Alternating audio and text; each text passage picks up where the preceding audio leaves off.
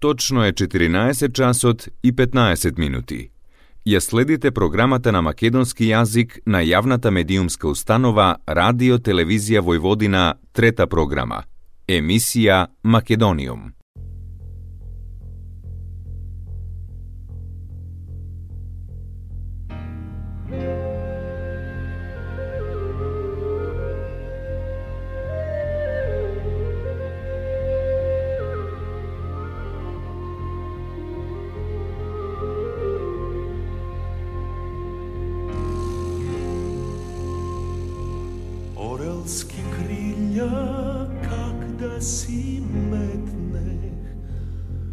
Naši strmi da si preletneh na naši mesta.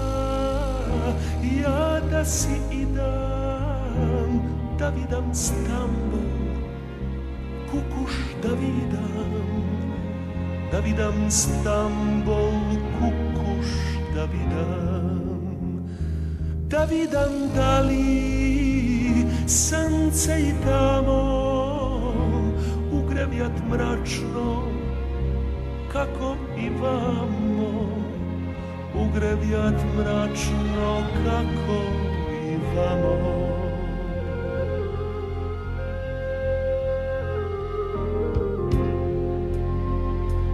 Ako kak ovde sunce me stretit Ako pak mračno sunce to svetit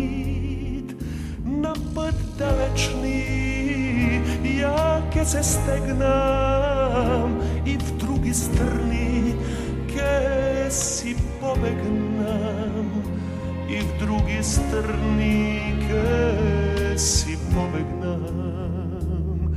Kada sunce to svetlo ugrevjat, kada nebe to zvesti posevjat, kada nebeto zvesti posevjat.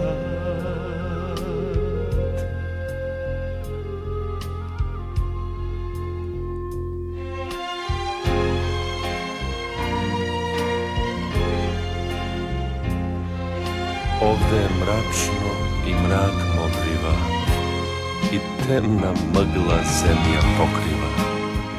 Mrazoj i snegoj i pepelnici, silni vetrište i vijulici. Okolu mgli i mrazoj zemlji, a v grdi studoj i misli temni.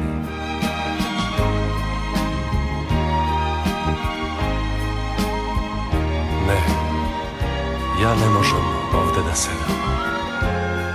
Ne, ja ne možem mrazoj da gledam.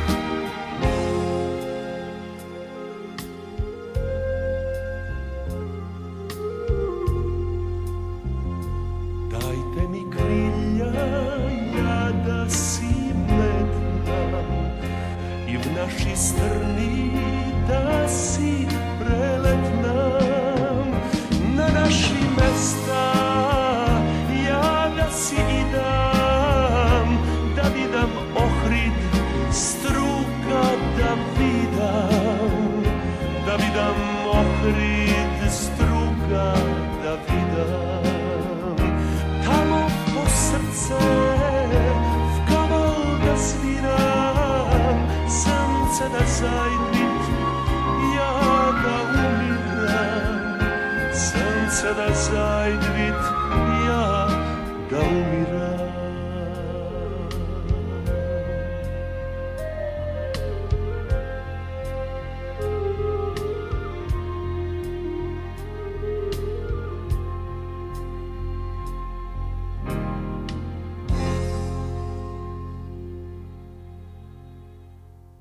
Македониум.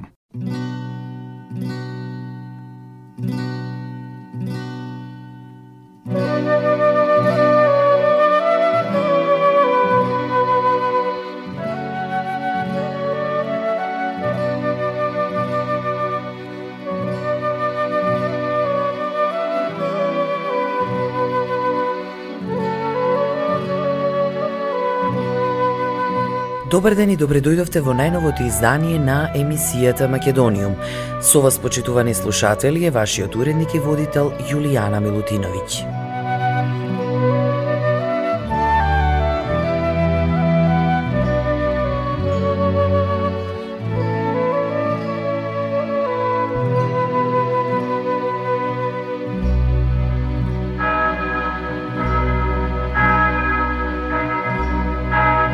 Македонијум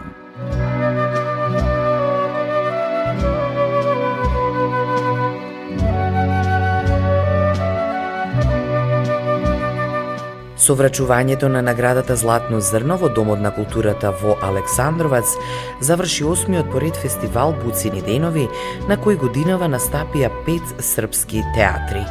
Сите тие во изјавите за медиумите истакнаа дека се фасцинирани од организацијата, а фестивалот во Александровац стана омилена дестинација на актерите.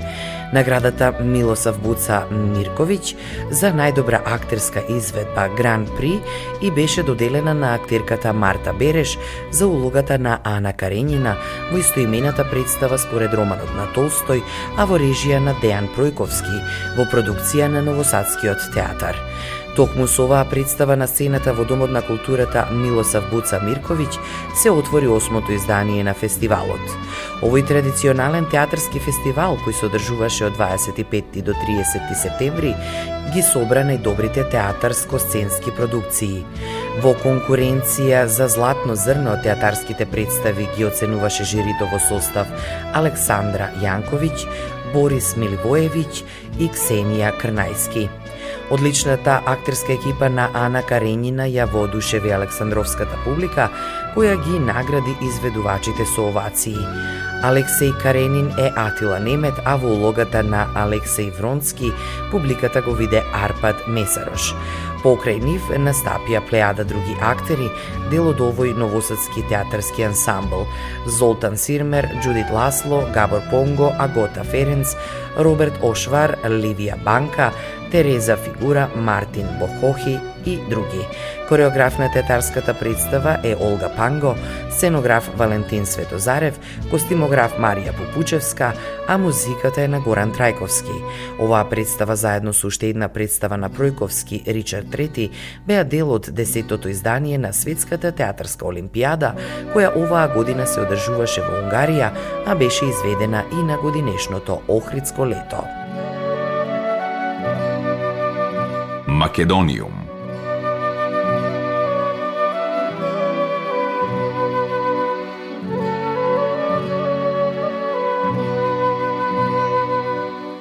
Српската представа Момчето со куферот во режија на Дамјан Кецоевиќ ја доби гран при наградата за најдобра представа на второто издание на Интернационалниот фестивал на детски театри Игор Маджиров во Скопје. Представата е во продукција на Мал театар Душко Радовиќ од Белград, а доби уште неколку награди, за кои одлучи жирито, Тин Грабнер, режисер од Словенија, кој беше и председател, како и членовите Миливое Младеновиќ, театролог од Србија и Драган Довлев, актер. Момчето со куферот ги доби и наградите за најдобра режија и за најдобри актерски остварувања Јелена Илиќ и Недим Незировиќ, како и за костимографија Маја Мирковиќ. Беше прогласена за најдобра представа и од членовите на детското жири во состав Тара Поповска, Уна Силјановска, Теофил Сачкарски, Неда Блажевска, Саша Димитриевска и Максим Ѓоргиевски. Наградата за најдобра сценографија е доделена на словенечката представа Шумата од песни во режија на Петер Кус.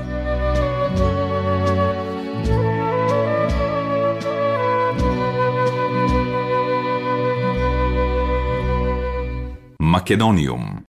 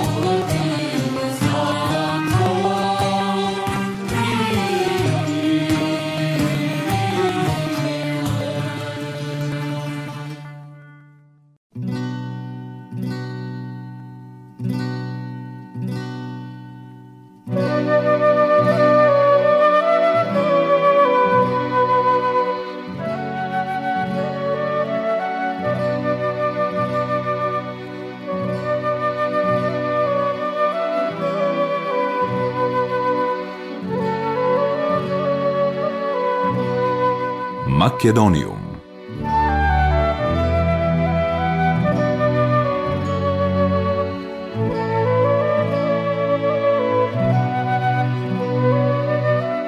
Со речиси половина век постоење, почнувајќи од првиот фестивал во 1975 година, Новосадскиот музички фестивал, со пократка пауза во првата деценија, годинава го доживува своето 43-то издание. Бројка која без сомнение го оправдува неговото мото наследство со оглед на долгото траење и големото значење на културниот живот на Нови Сад. Овој слоган подразбира и создавање и негување на универзална традиција. Ако наследството вклучува композициски, стилски, интерпретативни и други музички аспекти, како и други уметнички богатства од сите минати епохи, тогаш ќе ги додадеме и годишнините на авторите со нивната вечна релевантност и безвременските вредности на нивните дела. На годинешниот номус ќе се одбележат 15 децении од раѓањето и 80 години од смртта на Сергеј Рахманинов, еден од најголемите светски композитори, пианисти и диригенти од првата половина на минатиот век, а од особено значење за српската музика и еден век од раѓањето на Василий Мокрањац, еден од најзначајните музички творци на српската музика од втората половина на 20 век – Исто така ќе биде важен програмски столб на годинешниот Номус. Во оваа смисла вечерта на отворањето на фестивалот на 18 октомври ќе започне со едно од најпознатите дела на Рахманинов, вториот концерт за пијано и оркестар во Цемол, но и рецитал на пианистот Ратимир Мартиновиќ посветен на повеќето композиции од пијано опусот на Мокрањац. Заштитниот знак на 43-тиот Номус ќе биде посветен и на предходните фестивалски продукции, бидејќи во нив имало и само ефемерни уметнички богатства, па така Номусовиот актуелен авторски тим во изборот на програми од национално и светско музичко наследство и сега ги следи истите вредностни постулати подредувајќи ги според предходно почитуваниот принцип на спротивности и подпирајќи се на собствените секојдневни истражувања на репертуарот и нивните толкувачи, креаторите на фестивалот прифатија и дел од програмските предлози на поканетите учесници одлучување за она што е најзначајно и трајно и што би можеле да добиеме според можностите, од организацијата велат дека и старите и новите поклоници на Номус ќе се согласат со годинешните избори на музика и дека ќе ги доживеат на собствен начин во целосна убавина и квалитет, како делата што им се познати, но и оние што за прв пат ќе прозвучат на концертните подиуми на синагогата, градското собрание или на сцената на Српскиот национален театар.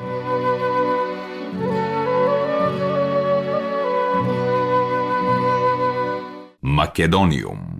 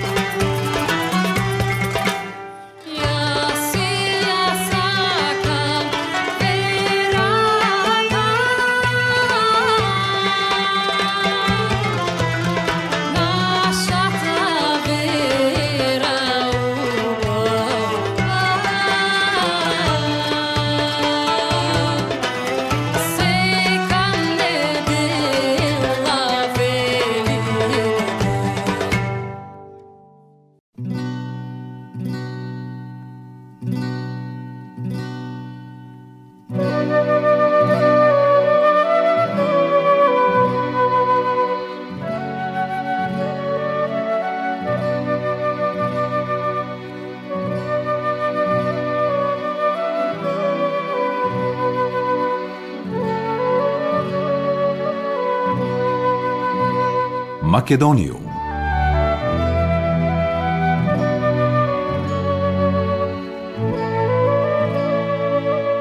Во вообичаено замислените симфониски, вокално-инструментални и камерни концерти, а во согласност со споменатите квалитативни премиси, следејќи го долгогодишното искуство на фестивалски жанровски откритија, годинешниот Номус вклучува и уникатни вечери, како на пример настапот на иранскиот перкусионист Мухамед Реза Мортазави, кој низ играње и лепдење со целото тело кон неговиот необичен тапан, совршено импровизирајќи ги неговите громогласни области и медитативни теми, но и гениално компонирајки во моментот, неговото користење на националното наследство ќе донесе посебен сензибилитет на безвременска и источна носталгија на Номус. Вториот екзотичен на свој начин е квартетот Мариус Преда проект, составен од неверојатни мултиинструментални романски музичари, ке магепса со спојот на најразновидните жанрови, потврдувајќи дека Номус е исто така место на сеопфатна кохезија на различни народи, јазици, музички корени и култури, центар на жива и плодна уметничка и човечка комуникација. Во тоа својство и значење како символ на порадосен и пооптимистички поглед на светот, но и уште еден значаен чекор напред, новосадските музички свечености го носат и проектот Македонисимо, како финале на 26 октомври, токму како еден од најблескавите примери на неисцрпното богатство на наследството и традицијата, низ кои тече сета убавина на народната музика. Неверојатната страст, чувствителност и моќ на неизваканата народна креативност ќе бидат брилјантно представени низ извонредниот професионализам и темперамент на неверојатно компатибилни и автентични изведувачи. Македонскиот пианист Симон Трпчески и неговите пријатели Хидан Мамудов на кларинет, саксофон и кавал, Александар Краповски на виолина, Александар Сомов на виолончело и перкусионистот Владко Нушев се низ европската критика опишани како проект кој го одзема здивот. Македонисимо се состои од транскрипции на македонската традиционална музика на композиторот Панде Шахов, додека изборот на игрите и песните ги направи Трпчески. Низ следните изданија на емисијата Македониум ќе имаме прилика да зборуваме со овие музичари кои со овој проект за прв пат ќе настапат во Нови Сад. Македониум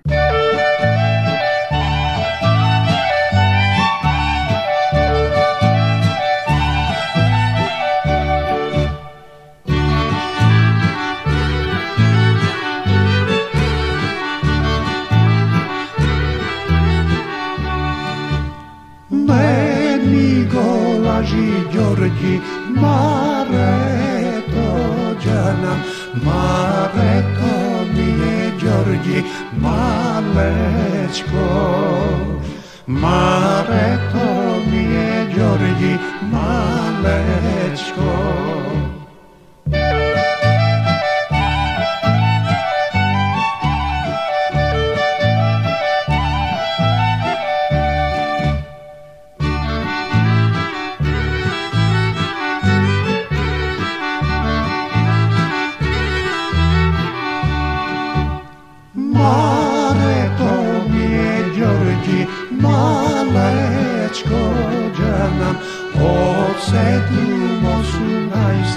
godini.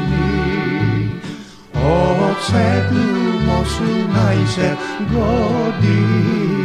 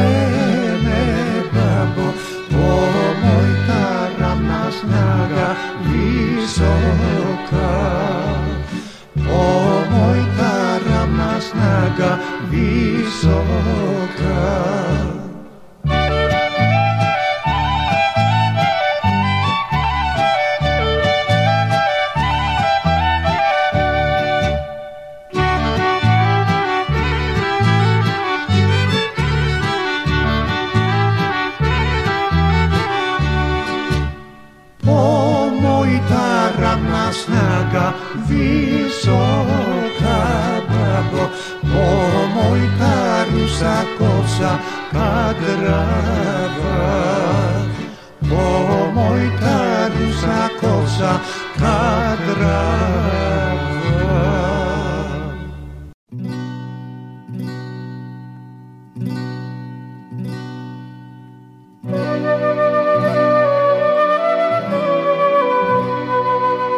Почитувани слушатели, тоа беше се во денешното издание на емисијата Македониум. Голем поздрав до сите вас од вашиот уредник и водител Јулијана Милутиновиќ. Ја следевте програмата на македонски јазик, емисија Македониум. Главен и одговорен уредник Воин Поповиќ.